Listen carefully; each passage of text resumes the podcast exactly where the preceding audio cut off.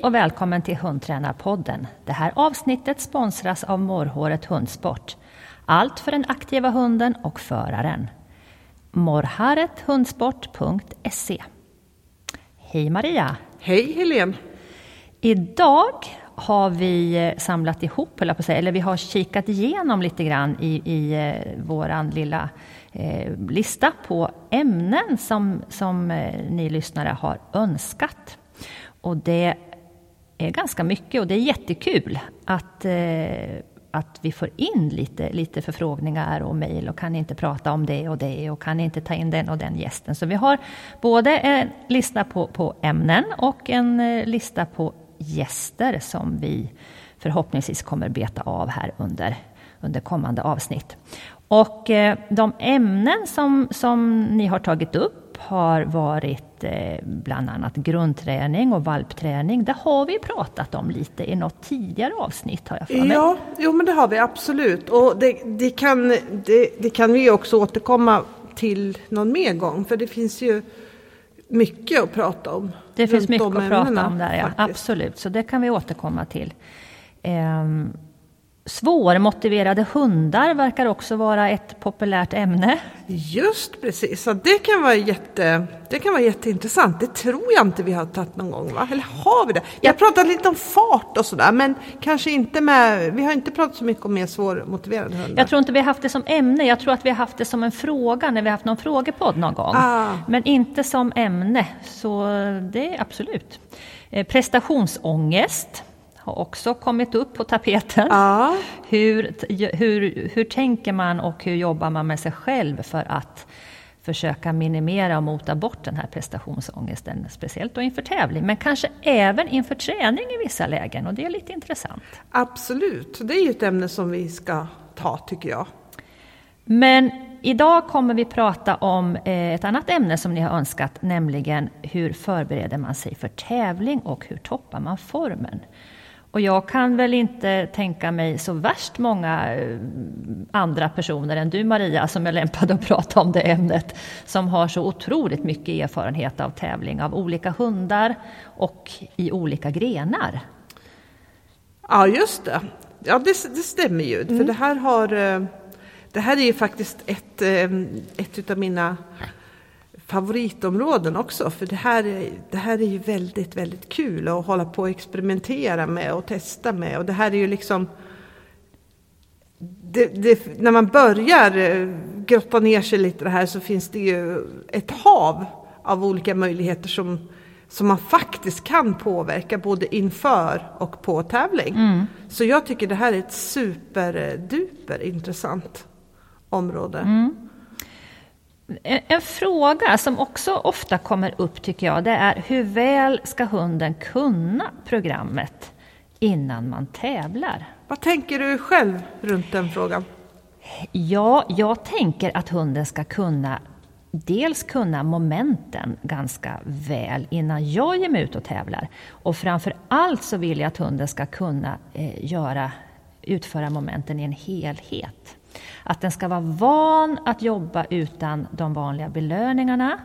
Att den ska vara tränad i att hänga på mellan, eh, i momentövergångarna mellan momenten. Det är egentligen viktigare, tycker jag, än att själva momenten är eh, top notch, eller på att säga. För att eh, det, det, det, viktiga är att jag känner att jag har med min hund, att den kan, att den kan gå från uppgift till uppgift och att den kan att jag kan ställa om, eh, vad ska man säga, ställa om aktivitetsnivån lite grann på den, att den kan gå från högt till lågt och tvärtom och så vidare.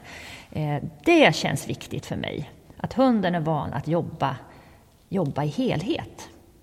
Mm, för det, det, är ju det, det är ju så himla mycket viktigare om man vill ge den en positiv upplevelse. Mm. Om man eh, alltid, alltid, alltid belönar mycket på träning och, och, om träning skiljer sig ganska mycket för hur ett tävlingsprogram ser ut så blir det ju kanske många gånger inte en så positiv upplevelse för hunden.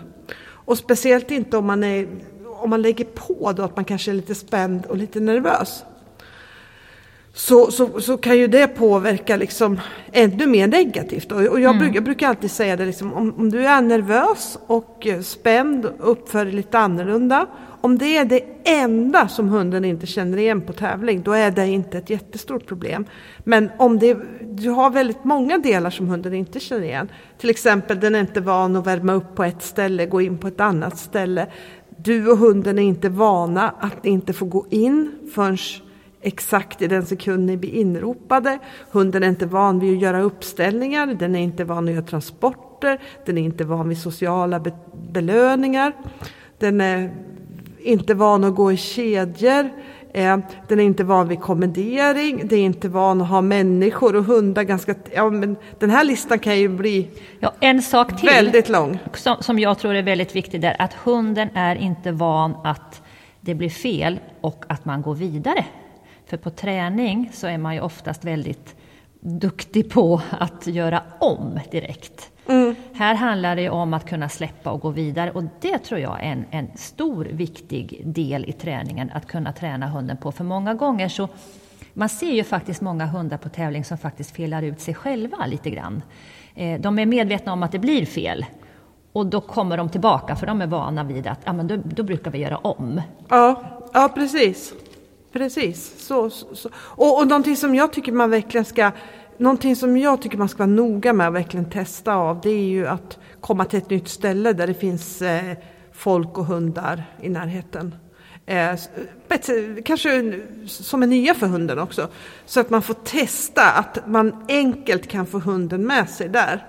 För det blir ju ing, om- om man tappar liksom greppet om hunden så att man får börja tjata på den. Då blir det ingen bra upplevelse vare, för, vare sig för hunden eller för en själv. Då.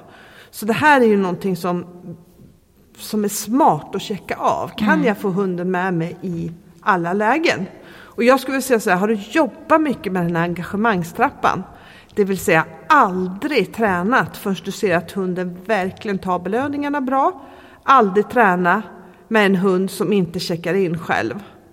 Har du gjort det, då har du ju liksom en bra grund för, för tävlingsträningen. Jag tycker det är liksom, ja, det är en, en hyfsat stor bit av det som är tävlingsträning. Liksom.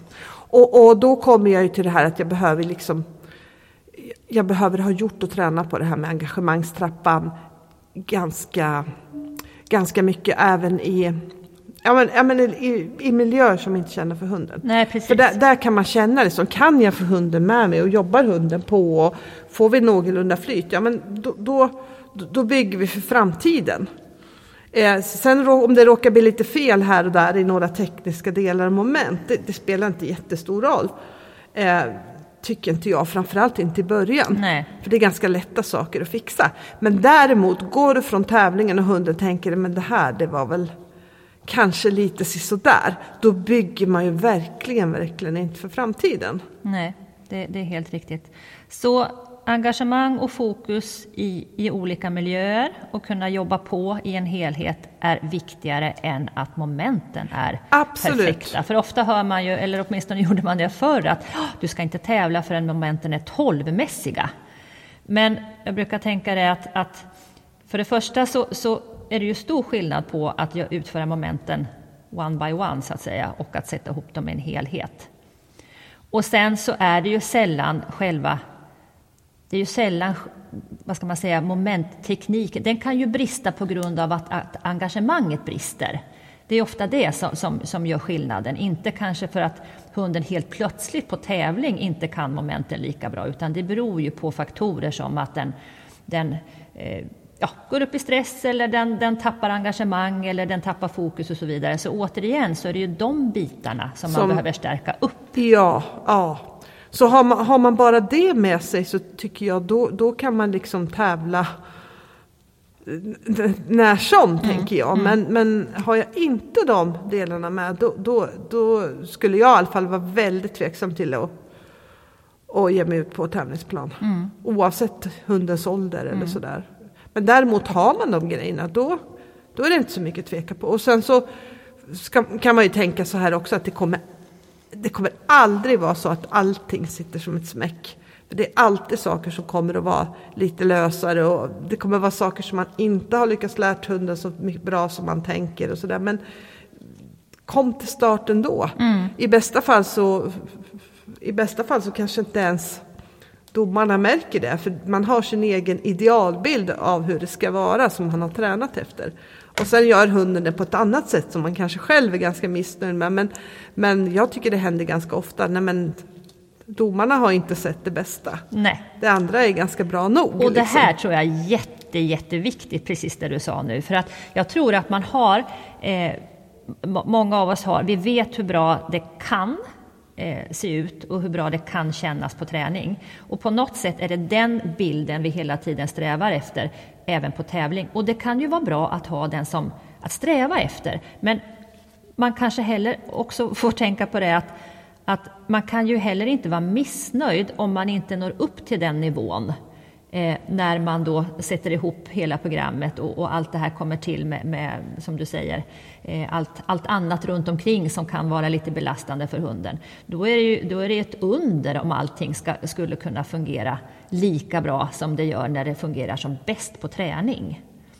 Så ja, jag tror att man får, precis som du säger, så, så de, de här, om man tänker efter, om, om, om, du, om du tänker efter på alla tävlingar som du har gjort med om vi, vi tar Ylle då till exempel, som, som jag vet att du tävlade väldigt, väldigt under många år och gjorde många starter med.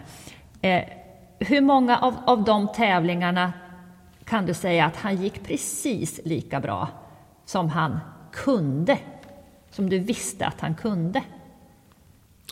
Ja, alltså om man, säger så, om man ska säga liksom precis vad de kan in i minsta lilla del så är det väldigt sällan som, som, som det händer. Mm. Det, ja jag vet inte hur många gånger man ska säga men, men kanske det har hänt någon gång ja. men inte är det så mycket mer inte. Men sen kan det ju vara väldigt, väldigt bra ändå. Men, men ja. det är svårt att nå upp till det perfekta. Det gör man ju i princip aldrig liksom. Jag minns, jag lyssnade på en intervju med, eh, åh, nu står det still, eh, höjdhopperskan. Kajsa. Kajsa Bergqvist, ja precis. Och eh, då frågade de henne hur många, hur många hopp hon hade gjort under sin karriär och det kunde hon ju inte riktigt svara på men hon uppskattade dem till ja, åtminstone minst 10 000 hopp hade hon ju gjort. Ja. Och sen då så men hur många av dem, hur många av dem har varit perfekta hopp? Och då så tänkte hon efter ett, en liten stund och så sa hon Två, max tre. Ja, ja.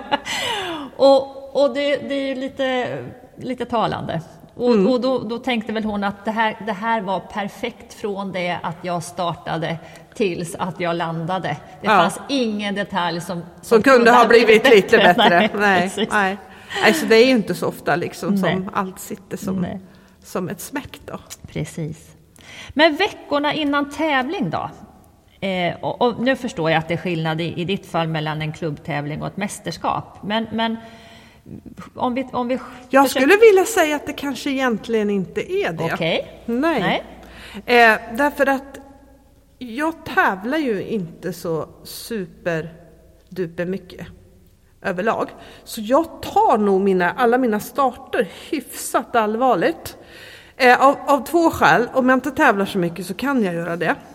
Sen det andra skälet är att om jag inte letar efter det perfekta sättet att förbereda mig för en vanlig klubbtävling, då, då är det svårt. Jag, om jag bara ska hitta de perfekta sätten att förbereda mig för en stor tävling, då har jag ju väldigt få chanser på. Då kanske när jag tävlar lydnad har jag tre, stor, det är tre stora tävlingar per år. Det är SM, det är VM och det är Nordiska mästerskapen. Det är tre chanser. Och det är alldeles för lite för att eh, lära sig hur man ska formtoppa hunden.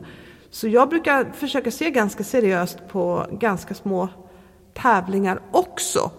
Eh, Kanske inte lika seriöst när jag jobbar med uppflyttningsklasserna. Då, då kan jag vara lite, lite mer slarvig med det här. Men jag ska, jag ska säga, det är aldrig att jag inte gör det. Nej. Utan redan här vill jag börja se vad behöver jag göra för att hunden ska gå så bra som möjligt när det kommer till tävling? Och så bra som möjligt är att liksom komma så nära där man känner att vi klarar som allra bäst som möjligt. Och det här måste man ju lära sig på respektive liten tävling. Mm. För veckorna innan där också så behöver jag ju ha en lite koll på vad jag ska göra. Och, och jag tänker också att när, när man ska liksom när man ska planera för stora tävlingar och kanske också för en vanlig tävling, ju längre i förväg man kan börja planera, desto bättre. Eh, och, och, till och med så, så, så, är det smart att man till och med kan ha sin plan redan innan man vet om man ska tävla eller inte. Till exempel om jag siktar på att tävla typ på SM. Ha planen klar tidigt. För när du vet att du har kommit med till SM, då är det för lite tid kvar. Utan den planen behöver vara klar mycket, mycket tidigare. Smart och, och, är det så att man inte kommer till SM sen då, fast man kanske vill det. Ja men då har man i alla fall fått jättemycket och bra träning. Och du har fått lite erfarenhet i hur du ska träna hunden. Och, och förhoppningsvis så, så kan du ha de erfarenheten med dig. Och, och kanske ändra på lite saker för att kvala till SM nästa år. Precis. Om, om det nu är så. Mm. Faktiskt. Så, så, så jag tycker man liksom man ska börja ganska tidigt. För, för jag, jag, brukar få den frågan ibland om någon som har, ja men nu, nu har jag kommit med på SM, kan du hjälpa mig att göra en plan? Och det tycker jag är aningen sent faktiskt. Eller jag tycker det är jättesent. Mm. För den, den, planen kanske man, man, man skulle behöva ha klar ännu tidigare. Mm. Och, och, och, ja. Men, men om, om för egen del då? Tänker du, jobbar du mycket helhet innan tävling eller blir det mycket detaljträning? Det här kommer ju i lite olika faser beroende på hur långt innan mästerskapet som det är. Men, men, men överlag så tänker jag att ju närmare det kommer. Det här ska man ju inte säga så här, det här är inte det här gäller ju olika för olika hundar och olika för olika förare också. Men, men för mig så tänker jag ju närmare ett mästerskap det kommer, ju viktigare är att helheten sitter och ju mindre viktigt blir det att varje liten detalj sitter. Mm. För, för eh, gör hunden ett stort misstag, då vet vi att då, då, kommer, det liksom, då kommer det inte att räcka. Nej. Då, då, kommer vi inte att komma dit vi vill komma. Utan huvudsaken är att vi får med oss allting. Och det här är ju extra viktigt i de tävlingarna som SM och Nord, eller nej, som SM och VM där det faktiskt är, där det är två race du ska göra. Just det, just det. Eh, förhoppningsvis i alla fall. Ja, ja. Och, och då, då, är det ju en att du ska ta dig till finalen. Och då har du en vältränad hund då, då gäller det ju att då gäller det mest att du inte ska ha några missar. Nej. Att du ska få, och, och då menar inte jag några pyttesmå detaljmissar. Liksom man, man tänker att hunden kunde ha gjort det lite bättre, den kunde ha gjort det lite bättre, den kunde ha det, det, är inte jätteviktigt, men däremot att, att, att du inte får några stora fel som kostar väldigt mycket poäng. Just det. Så, så jag tänker ju mer helhet ju närmare man kommer. Men exakt vad det här är, det är det jag försöker lista ut också på, på vanliga tävlingar. Mm, vad, vad, vad behöver jag liksom, hur får jag min hund i så bra liksom i så bra form som möjligt. Och här är ju också en jättesmart idé att använda till exempel när man åker på träningshelger och träningsläger och sådär. För då, då får man ju ganska intensiv träning. Då kan man ju försöka titta också, liksom, var tränar min hund som bäst? Var det första dagen, var det andra dagen, eller var det mm. tredje dagen, mm. eller var det fjärde dagen? Mm. För det kommer kanske att säga mig lite hur, hur mycket som, som, som eh, jag behöver träna speciellt i slutet då. Men, men eh, en annan sak så, som jag tycker också att, att jag, jag, tycker att det är bra att man har koll på ungefär hur många träningspass man har på sig. När man gör upp sin plan, ja, tänker du? Mm. Ja, Och speciellt när det är några veckor kvar, då tycker jag det är extra viktigt att veta. Vi har så här många träningspass. Just det, och disponera dem på bästa möjliga ja, sätt. Ja, vad gör vi med dem? Mm. Och då gäller det ju verkligen att liksom tänka igenom så att man tränar lite på rätt saker. Just För där är det lätt att man börjar träna på saker som egentligen inte är så viktiga. Eller saker som är kanske väldigt, som kanske till och med är omöjliga att förändra på den tiden. Eller som är väldigt svåra att förändra och kräver jäkligt mycket tid att förändra. Ja, och sen just det här att börjar man peta i en ände så är det lätt att det fallerar i en det annan. Händer, det händer ja. någonting någon mm. annanstans. Ja. Mm. Och, och um, jag, jag, har en god vän som kom, kvalade till sitt första SM. Var en jätteambitiös tjej som liksom, hon, vill, hon hade liksom verkligen bestämt att nu, jag ska nu få till precis alla delar. Och hon satt ju sig då några veckor innan och så skrev hon upp allting som hon ville förbättra. Det, hon hamnade kanske någonstans bugg för 50 olika saker som hon ville jobba med. Och hon tränade och tränade och tränade men hon upplevde liksom att ingenting blev egentligen så mycket bättre. Tvärtom så vart motivationen hos hunden lite lägre. Och, och, då blev hon ju stressad, både för att det liksom varken gick framåt och för att hunden också liksom tappade sugen lite. Mm. Och, och, och, hon hamnar ju i den fällan att hon tränade på alldeles för många saker samtidigt. Det hon kanske hade behövt gjort det och valt ut några av de här sakerna. Varit lite strategisk där och valt ut det som, som, som spelade jag, störst roll? Ja, kanske. exakt. Jag kommer mm. återkomma till det om en liten mm. stund, vad, mm. vad, jag, vad jag tänker då. För när man liksom skriver upp sådär mycket, så, eller när man tränar så försöker jag också tänka hur mycket tid har jag tränat? Eh, seriöst alltså, hur mycket, hur mycket tid kommer jag kunna lägga på träningen? Och sen hur mycket har jag lust att träna? Det är också en viktig mm. del. Eller har jag disciplin att träna ändå, även om jag inte har lust? Mm. Så, så kan det ju vara.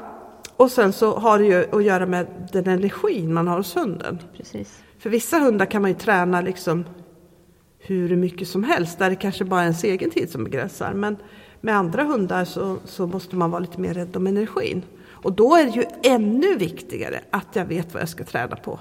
Speciellt sista veckorna, så att man då inte knaprar av hundens motivation. Nej. När det börjar närma sig tävling liksom. Så, så, mm. så det, jag tycker det jag kan ju bara fortsätta prata om det där tänker jag. Jag tycker att det är liksom superviktigt att vi vet, man vet liksom vad, vad ska jag träna på? Mm. Skriv upp det, ha koll på det. Gå igenom alla delar och vad, vad, vad kan du liksom göra åt det nu och vad kan du förändra? Och vissa saker kanske man också ska bestämma sig för att nej, det här kan jag inte förändra. I alla fall inte på den tid man nej, har. Nej, exakt. Utan det kanske vi får göra när vi har lång tid. Mm. Och sen så tror jag så här att man får inte, det som vi pratade om lite innan. Alltså, momenten är en sak, men ingångar på plan, helhet, transporter, tävlingsmässiga belöningar, kedjor. Alltså så, det blir många punkter. Mm, det blir det. Så, så superviktigt att göra någon slags prioriteringslista på det här. Mm. Och det, det, som jag tittar på då, det är en prioriteringslista, då, det är ett, gör det här våran helhet bättre? Eh, om, och svaret är ja så är det absolut. Eh, fråga nummer två, den, det är en fråga som inte jag haft, eh, den hade inte jag förut, men den, den har efter att ha kombinerat ganska mycket jobb med eh, satsningar på stora tävlingar så, så där tiden har blivit lite knapp mm. så är det någonting som jag ständigt frågar mig nu. Kommer det här att löna sig poängmässigt? Ja. Om det är bara jag som tycker att den här lilla detaljen är snygg och ingen annan bryr sig om den.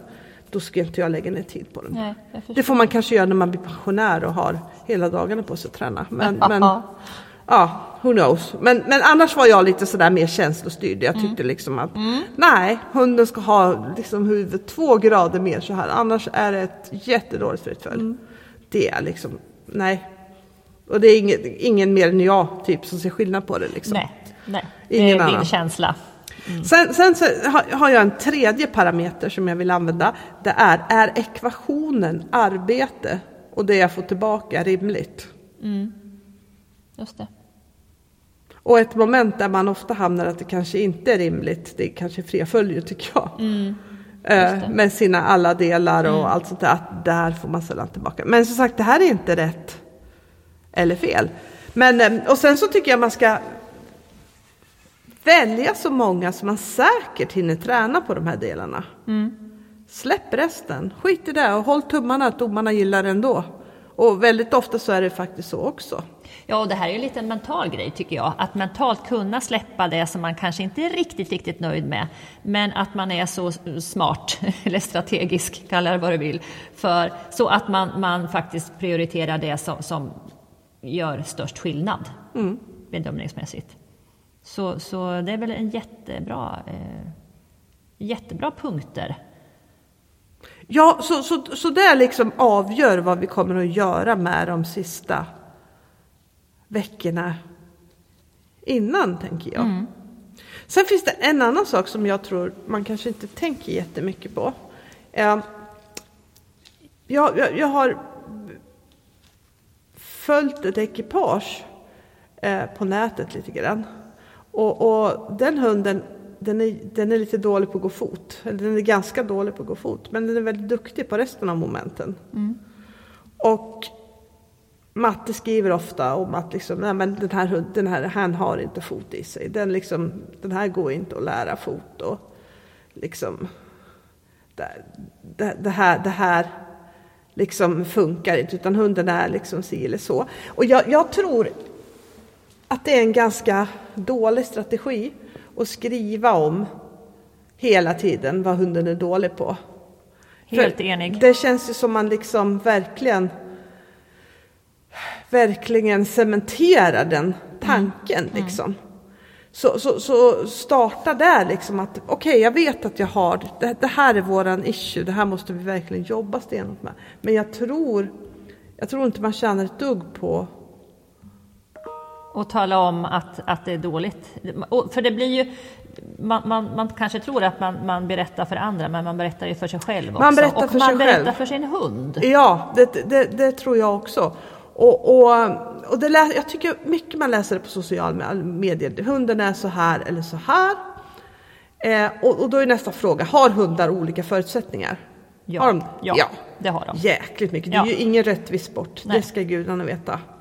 Men jag tror man ska ta sig an det liksom på sätt. För jag tror igen, att det har sagt det förut, att vi, vi kan påverka så mycket mer än vi tänker på. Mm. Och jag tycker så här, kanske när man har problem med olika saker så kanske man ska försöka släppa det här vad hunden har problem med och fundera på vad man själv kan göra åt det här. Mm. För man kan påverka väldigt, väldigt, väldigt mycket. Men det, det här är också en, en, mental grej, så jag tror vi har pratat om det i något tidigare program, det här med att, att när man fastnar i problem vad ska man säga, problemtanke eller problemanalys. Att man, man, man, då, då blir ju hjärnan lite, man får lite tunnelseende. Man, ja. man ser inga lösningar, man blir absolut inte kreativ utan man fastnar i problemet. Men så fort som du säger börjar tänka, okej, okay, nu ser det ut så här, vad kan jag göra då? Ja. Då öppnar man ju upp och skapar förutsättningar, alltså hjärnan blir kreativ och helt plötsligt så kanske man kan hitta flera olika lösningar eller flera olika strategier till just det problemet. Därför att man blir lösningsorienterad istället för problemorienterad. Ja, ja. Och, och, och jag tror faktiskt att när man kommer till en punkt i träningen då ens egen utveckling är så mycket viktigare än hundens faktiskt. Mm. Och där gäller det ju att man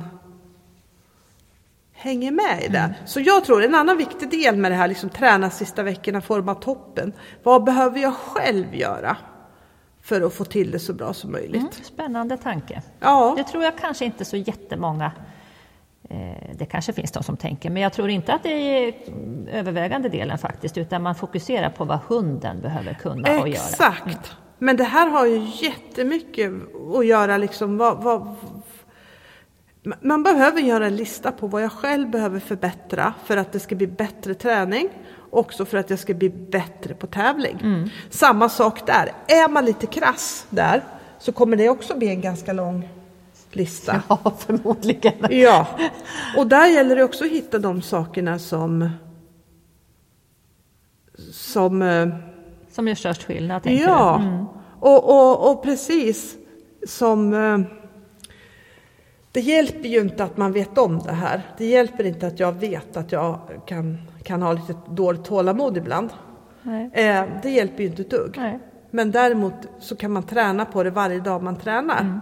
Men då måste man göra det på ett medvetet sätt. Just det. Och ett medvetet sätt kan ju vara liksom, ja, men att, att jag skriver i min träningsbok bara lite kort att, att viktigt att hålla, hålla gott humör hela passet. Och sen så vill jag läsa det ef- efter och kolla, gjorde jag det? Ja men bra, dit med en stjärna, det gjorde du. Och återigen är vi ju inne på det som, som vi har varit inne på i tidigare avsnitt, att det är skillnad på att veta och att göra. Absolut, det är en jättestor skillnad på det. För det, som sagt, där igen, det, det hjälper inte ett dugg att veta. Det där har jag jättebra erfarenhet av med tidigare hundar. Och, och inte förrän man direkt har börjat träna medvetet på någonting som, så funkar det liksom. Nej, precis.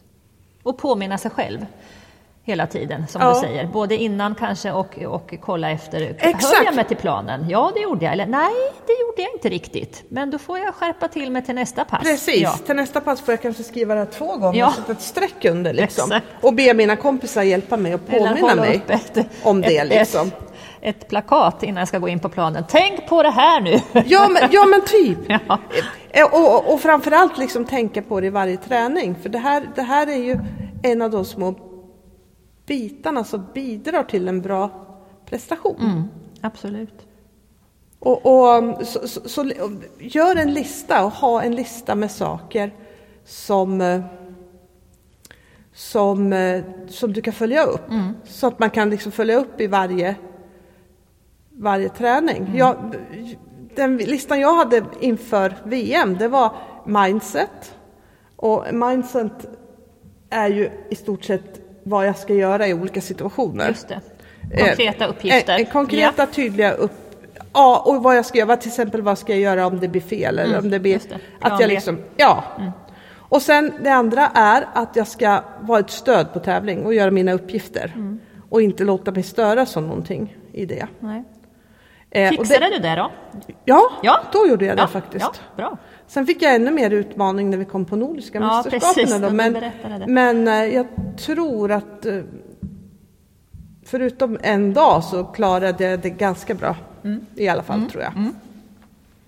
Och sen hade jag en tredje, det var att, man, att jag skulle vara väldigt positiv i träningen. Liksom, Mm. Rakt av, att jag inte skulle liksom bli stressad över någonting. Och, och, men samtidigt vara 100% eller 150% tror jag till och med att jag skrev vaksam på olika tendenser. Mm. Så att jag var beredd att liksom parera för det då, Mm. i träningen. Då. Ja, spännande. Om vi går vidare då, väl på, på, eh, på tävlingsdagen. Har du speciella rutiner som du håller dig till, väldigt strikt?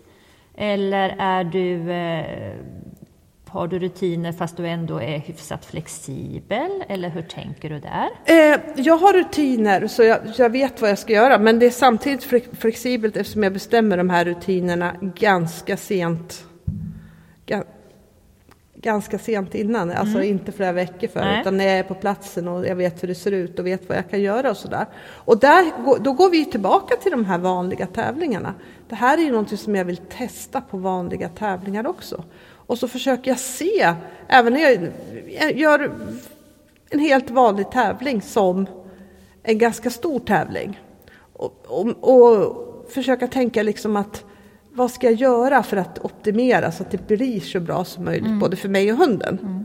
Och varje gång jag gör det så får jag ju lite mer information till vad jag ska göra och inte göra. Det man gör ofta blir man bra på. Ja, Var det någon som exakt. sa någon gång. Och ja, precis. Och där kanske man också ska liksom skriva upp vad man tränar på så att, så att jag vet vad jag har gjort och framförallt ta tillvara informationen. N- när det går bra, vad, hade vi, vad, vad gör, har vi gjort innan då? Och vad, vad, hade, jag, vad, vad hade jag gjort då? Och, och när det inte går bra, man kan inte, kanske inte får hunden precis i den en av de största grejerna tycker jag det är att få hunden i exakt ett perfekt modus. Alltså att den ska vara fokuserad, koncentrerad och samtidigt ha ganska mycket tryck då. Mm. Och det där är ju att balansera riktigt på en knivsägg. Absolut. Beror lite på vad man har för typ av hund, men mm. på vissa hundar så kanske det är när, när man lägger dem jätte, jättehögt och, och vill att de ska vara riktigt på tårna, ja men då kanske man balanserar på gränsen mot ljud. Ja, precis. Och sådär. Mm. Och lägger man hunden i för mycket fokus och koncentration, ja men då, då kanske man får att hunden blir lite, lite, lite loj istället. Mm, mm. Så det här är ju väldigt liksom väldigt, väldigt fin lir. Och det här, hur jag vill ha det här, det avgör också vad jag gör på själva tävlingsdagen. Alltså hur mycket jag gör innan jag går in och gör mitt program. Mm. Och vill man formtoppa och lyckas på stora tävlingar, då är det här superviktigt. Att man, att, vet, att man har koll på Att, att man vet liksom. Men jag, jag, tänker på det du sa innan här också som, som jag tycker är jätteviktigt för att vi är ofta väldigt snabba med att analysera när det inte går bra. Mm. Eh, vad, vad, varför gick det inte bra och vad skulle jag gjort istället? Men just det här som du var inne på att även göra samma sak när det har gått bra, för man vill ju gärna upprepa Absolut. Ett, fram, ett framgångsrikt koncept. Varför gick det bra idag? Vad hade jag gjort innan? Eh, hur hade jag tänkt? Hur hade jag lagt upp det?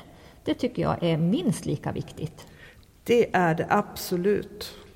Absolut. Mm, så det har att göra med lite hur, hur, hur, du värmer. Jag tänker också det här, ibland får man vänta väldigt länge innan man man eh, får starta. Man har ett sent startnummer, det blir ja. en lång väntan. Ja. Ibland så, så har man startnummer ett eller två. Så det blir kort väntan? Ja, precis. Ja. Och det här är också någonting, tycker jag, som man får ha rutiner eller strategier för lite grann.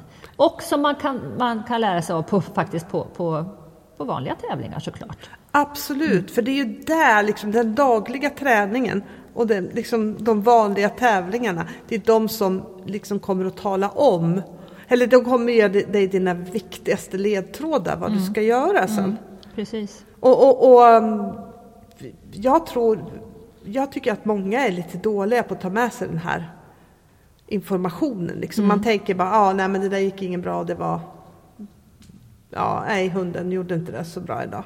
Men, men hade man kunnat gjort annorlunda? Hur kan man hjälpa hunden? För det finns ju så många olika sätt. Ja, men precis. Och just det här, sometimes you win, sometimes you learn. Det är ju liksom så att man, att man ser det faktiskt som ett... Även om man tycker att man har misslyckats, att, att det finns någon mening i. Alltså, man vill ju inte... Lika väl som man vill upprepa lyckanden så vill man ju inte upprepa misslyckanden. Och då ska man ju försöka se till att det blir, inte blir på samma sätt nästa gång. Precis, precis. Och där hur mycket man ska träna dagarna innan och hur mycket man ska kanske träna dagarna innan, hur mycket man ska träna, hur mycket man ska göra på uppvärmningen. Det är också väldigt beroende på vilken typ av hund man har. Mm.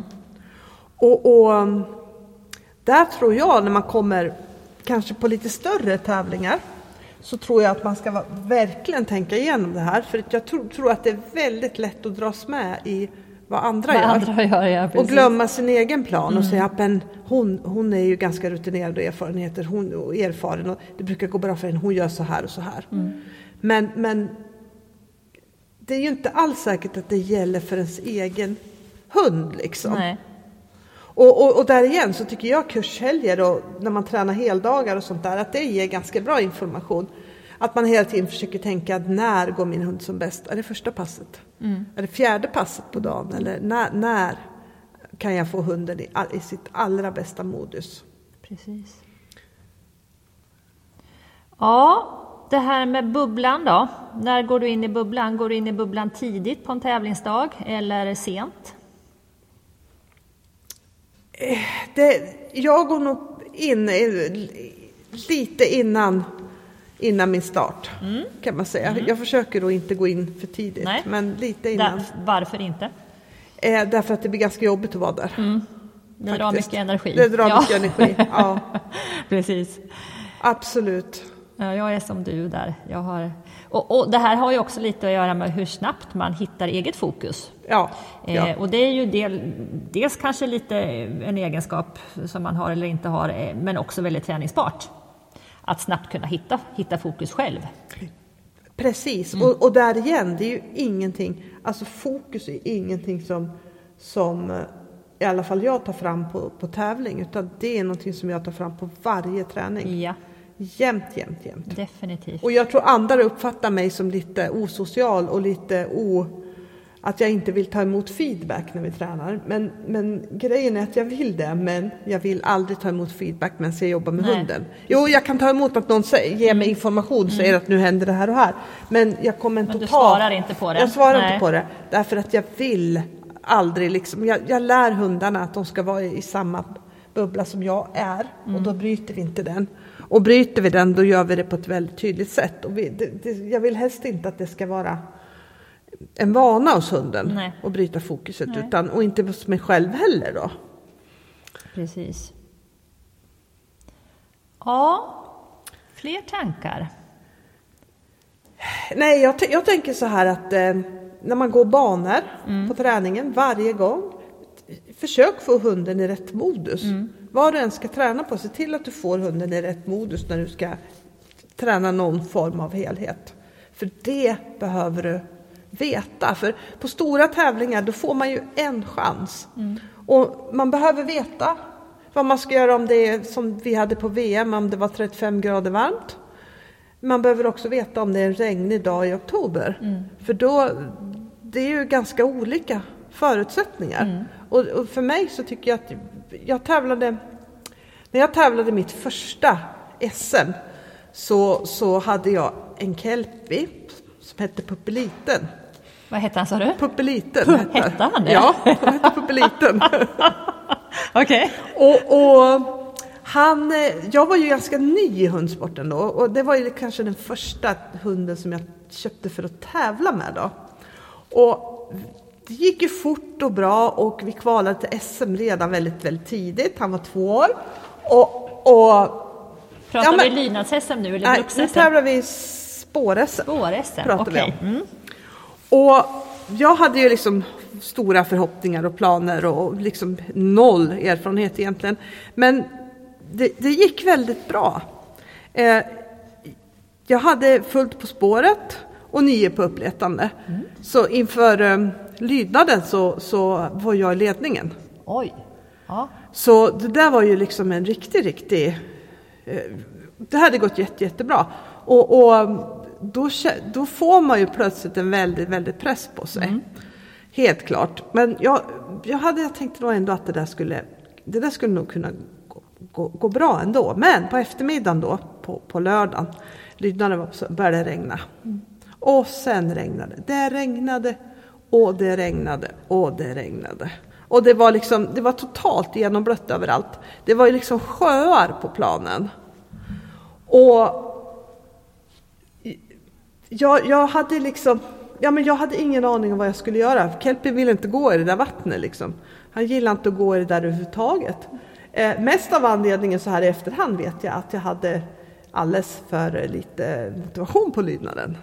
Därför man tränade inte riktigt så Nej, som man gör nu. Nej. Nu, nu hade, och framförallt så hade jag ju noll, noll strategi vad jag skulle göra. Och vad, vad, har, vad händer när man har noll strategi? Man blir lite irriterad och lite tjurig. Och, På sig och, själv mest kanske? Ja, och så, jag var nog det på hunden också ska jag erkänna. Och det, det bidrog ju inte till ökad motivation att gå i vattnet om man säger så. Inte direkt. Absolut inte. Så vi gjorde ju en, en tämligen usel lydnad där då. Och mycket då.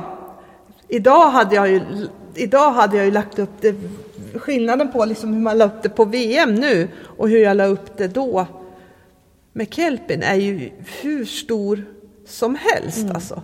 Så, så man förstår ju nu hur mycket jag hade kunnat påverka. Bara en sån sak, jag skulle ha tagit ut kelpin mycket, mycket mer tidigare. Kanske lekt med honom som tusan, för han var ju jätteglad i att leka i, i, i regnet. Och, och träna på lite lekfulla och skojiga lägganden och, och liksom tänka, men okej, nu ser det ut så här. Vi kan inte göra någonting åt att det är så här, vi kan bara försöka så gott vi kan. Och, och då går det, antagligen går det då eller så går det inte. Men, men det, det är de förutsättningar man har. Men då, ja. Och sen så ja, trillade vi ner till Jag är ganska dålig lydnad, trillade ner till en fjärde plats. Och, Men det var väl inte så illa ändå Nej, på det första var, racet? det var ju jättebra Ja, egentligen. ja. Men jag var så otroligt besviken och jag trodde alla kom ihåg hur dålig min lydnad var. Alla. Och det är ju verkligen så att det är ju ingen som gör det. Det är liksom, man kommer inte ihåg hundar som går Nej, dåligt. nej, det man man kommer inte. ihåg hundar som där, där förarna har uppfört sig konstigt, det är det man kommer ihåg. Men Mm. Ja, inte, möjligtvis. Mm. inte att Nej. någon, någon bara går dåligt. Nej.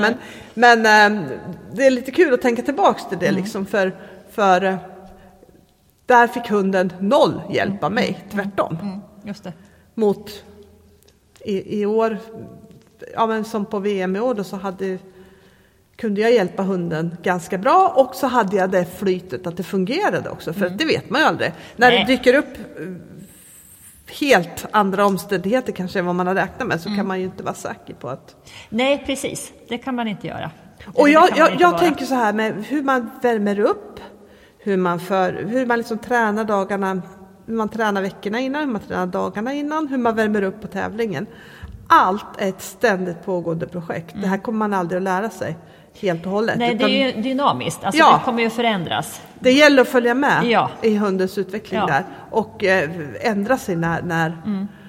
när, när man tycker att, att det behövs. Mm. Liksom.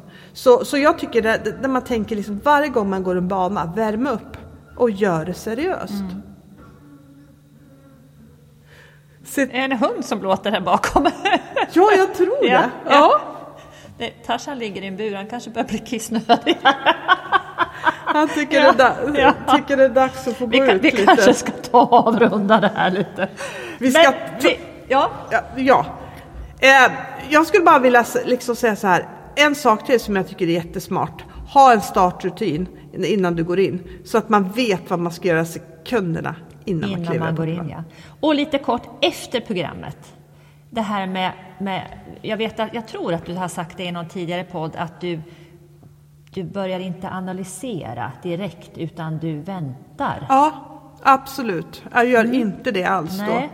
Därför är, jag vill att det ska gå någon, kanske någon vecka, några dagar Ja, eller någon vecka. Och ja. sen så gör jag min analys. För annars blir det ofta lite för känslosamt. Ja, åt båda håll. Åt båda ja, håll. Man det. tycker det, om det har gått väldigt bra så kan man tycka att allting var superbra. Har det gått dåligt så tycker man allting var skit. Men att, Och sen så också om det har gått bra så tycker jag att det är skönt att bara kunna njuta av det utan att tänka på vad man kunde ha gjort bättre. Nej, just det. För det känns det som man förtjänar liksom. Definitivt. Men jag skulle vilja bara avsluta med en mening. Och, och, och, och det är liksom ha koll på de här delarna.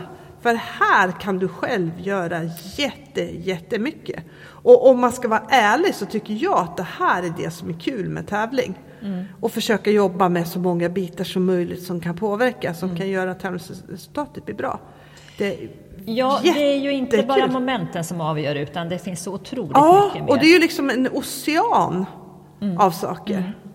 Så, så det här är jättespännande och som sagt mycket kommer från träning och från vanliga tävlingar. Mästerskaperna då, eller stora tävlingar, eller det behöver inte vara det heller, men det kanske är en tävling när man vill lyckas lite extra bra.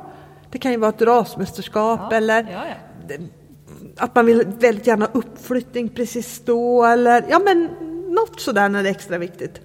Och då, har du tränat på det här hela tiden så har du förhoppningsvis den informationen du behöver för att göra det så bra som du bara kan. Precis. Och det är allt du kan göra liksom. Förutsättningarna ökar ju definitivt. Helt klart. Bra! Vi tackar för oss. Eh, hoppas ni har fått med lite matnyttigt om hur ni kan toppa formen, hur ni kan tänka, men framförallt skapa er, era egna rutiner och hitta det som är bäst för er själva och er hund. Superviktigt att tänka på. Och det här avsnittet sponsrades av Morrhåret Hundsport. Allt för den aktiva hunden och hundföraren. morrharethundsport.se. Tack för oss!